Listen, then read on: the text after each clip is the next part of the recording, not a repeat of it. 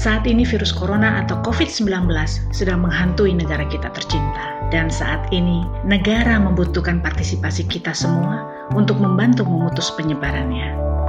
Kita bisa melakukan social distancing atau pembatasan sosial dengan menjaga jarak sosial, membatasi kontak tatap muka, menghindari keramaian, mengurangi penggunaan transportasi umum, mengurangi perjalanan yang tidak perlu, melakukan aktivitas dan pekerjaan secara online dari rumah. Ayo abang dan pok semua, bersama kita bisa lakukan the social distancing ini untuk membantu memutus penyebaran virus corona atau COVID-19.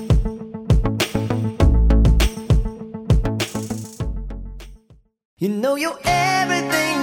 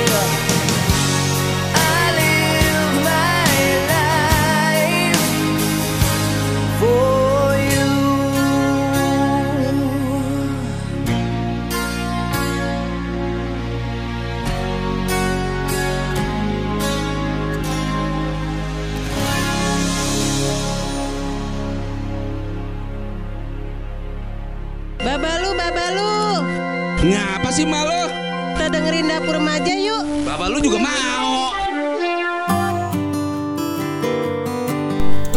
107.8 FM Dapur Remaja Radio. Aulanya anak muda, dewasa yang berhati remaja. Abang dan Po Di malam hari ini, ngobrol spesial. Mendekati Hari Raya Idul Fitri. Cie, yang udah dapat THR Selamat ya. Dan jangan dipoya-poyakan. Dan satu lagi pesan gue buat Abang dan Po Jangan ke mana-mana nih, karena pemerintah sudah menge- mengeluarkan surat edaran larangan mudik. Karena apa? Alasannya jagalah kesehatan diri kita, istri kita, anak, keluarga, dan juga teman-teman yang ada di kampung. Karena jangan sampai terjadi klaster baru, Abang dan Po. Dan hal ini ditakuti oleh pemerintah Indonesia terjadi seperti di India. Nah, ini kan sangat menakutkan pastinya. Di malam hari ini ngobras ngobrol bareng santai ditemani sama Dika dan juga operator siar ada Om produser yang selalu setia banget menemani eh, kita di malam hari ini ya. Kita hadir dari pukul 17 sore menjelang berbuka dan sekarang kita sudah selesai sholat tarawih. Mudah-mudahan malam hari ini juga Abang dan Po yang melanjutkan di itikafnya di masjid atau di musola atau bahkan di rumah ya. Mudah-mudahan malam hari ini eh, Abang dan Po penuh dengan rasa semangat dan gembira, sedih juga karena akan ditinggalkan oleh bulan suci Ramadan. Abang dan Po di kesempatan malam hari ini saya akan membacakan sebuah artikel yang cukup menarik sekali yang tentunya sudah masuk ke meja redaksi dapur remaja di malam hari ini ya. Dan tentunya artikel ini ditulis oleh Abner Wangai yang berjudul Label Teroris Pantas untuk KKB Papua. Kelompok separatis Papua telah resmi dikategorikan sebagai gerakan teror. Masyarakat mendukung keputusan tersebut karena faktanya kelompok tersebut tidak saja tega membunuh TNI, Polri, namun juga rakyat tidak berdosa. Kelompok kriminal bersenjata KKB Papua telah ditetapkan sebagai kelompok teroris oleh pemerintah. Guru Besar Hukum Internasional Universitas Indonesia, Hikmahanto Juwana, menilai bahwa sikap pemerintah disebut sudah tepat berdasarkan Undang-Undang Terorisme. Hikmahanto juga menilai tindak kekerasan hingga upaya menghilangkan nyawa seseorang yang dilakukan oleh KKB di Papua sudah tergolong tindakan terorisme. Ia menyebut, setidaknya terdapat tiga kategori tindak kekerasan yang dilakukan KKB di Papua. Pertama, yaitu penggunaan kekerasan dalam bentuk KKB. Namun, kekerasan yang digunakan pihak ini tidak bertujuan untuk memisahkan diri dari NKRI atau mengusung ideologi separatisme. Kedua, yakni kategori penggunaan kekerasan untuk tujuan memisahkan diri dari NKRI.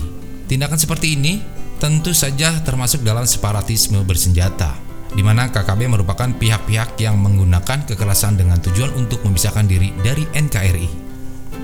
Hikmahanto menyatakan bahwa target kelompok separatis bersenjata tersebut adalah instalasi militer atau pemerintahan, bukan penduduk sipil. Terakhir, adanya penggunaan kekerasan yang bertujuan untuk menimbulkan suasana teror. Dalam pasal 6 Undang-Undang Terorisme menyebutkan bahwa setiap orang yang dengan sengaja menggunakan kekerasan atau ancaman kekerasan yang menimbulkan suasana teror atau rasa takut. Dirinya juga mengatakan, dengan adanya label teroris tersebut, TNI bisa lebih berperan sesuai dengan Undang-Undang Terorisme. Ia juga meminta TNI, Polri bertindak tegas sesuai hukum agar KKB tak lagi menciptakan teror. Hikmahanto juga meyakini bahwa keputusan pemerintah melabeli KKB sebagai teroris dapat dipahami oleh masyarakat internasional. Sebab label tersebut hanya disematkan kepada KKB, bukan rakyat Papua secara umum.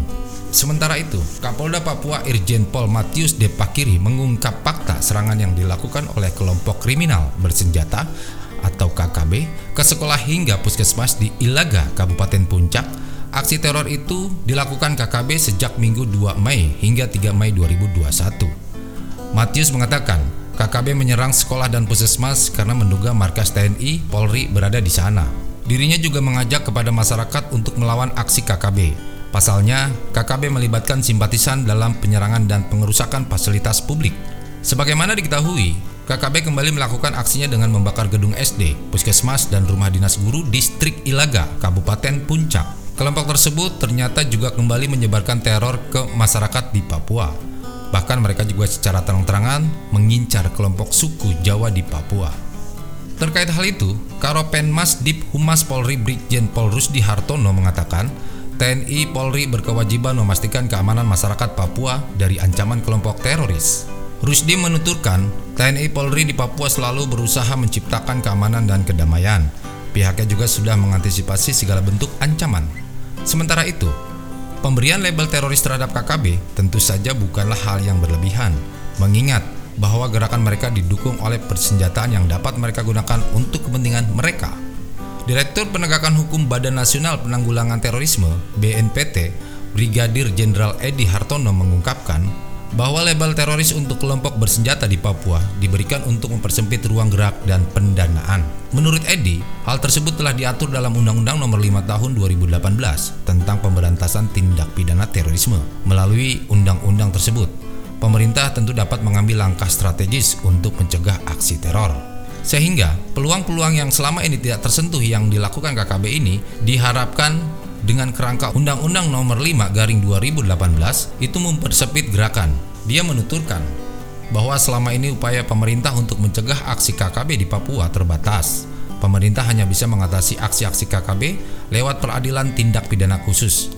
Menurutnya, Undang-Undang Nomor 5 Garing 2018 akan memberi hak bagi pemerintah dalam mencegah aksi kekerasan yang dilakukan oleh KKB Pencegahan aksi teror seperti diatur dalam Undang-Undang Nomor 5 Garing 2018 yang dibagi menjadi tiga, yakni kesiapsiagaan nasional, kontraradikalisasi, dan deradikalisasi. Melalui tiga kewenangan itu, pemerintah tentu saja dapat memblokir akses pendanaan terhadap sebuah kelompok teror.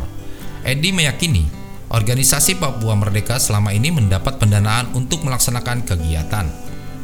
Jika status KKB telah menjadi organisasi teroris, tentu saja apa yang dilakukan oleh KKB dan segala nama organisasi yang berfiliasi dengan organisasi tersebut adalah tindakan teroris. Penulis adalah mahasiswa Papua tinggal di Yogyakarta.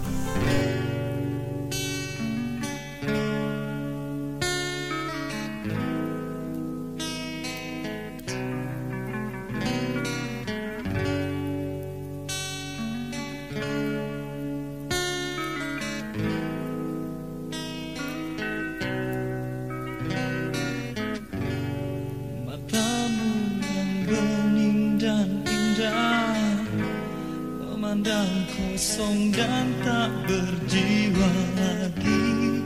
Begitu dalam kau tenggelam Tertelan luka yang tak berkesudahan. Menanti datangnya kasih Yang takkan pernah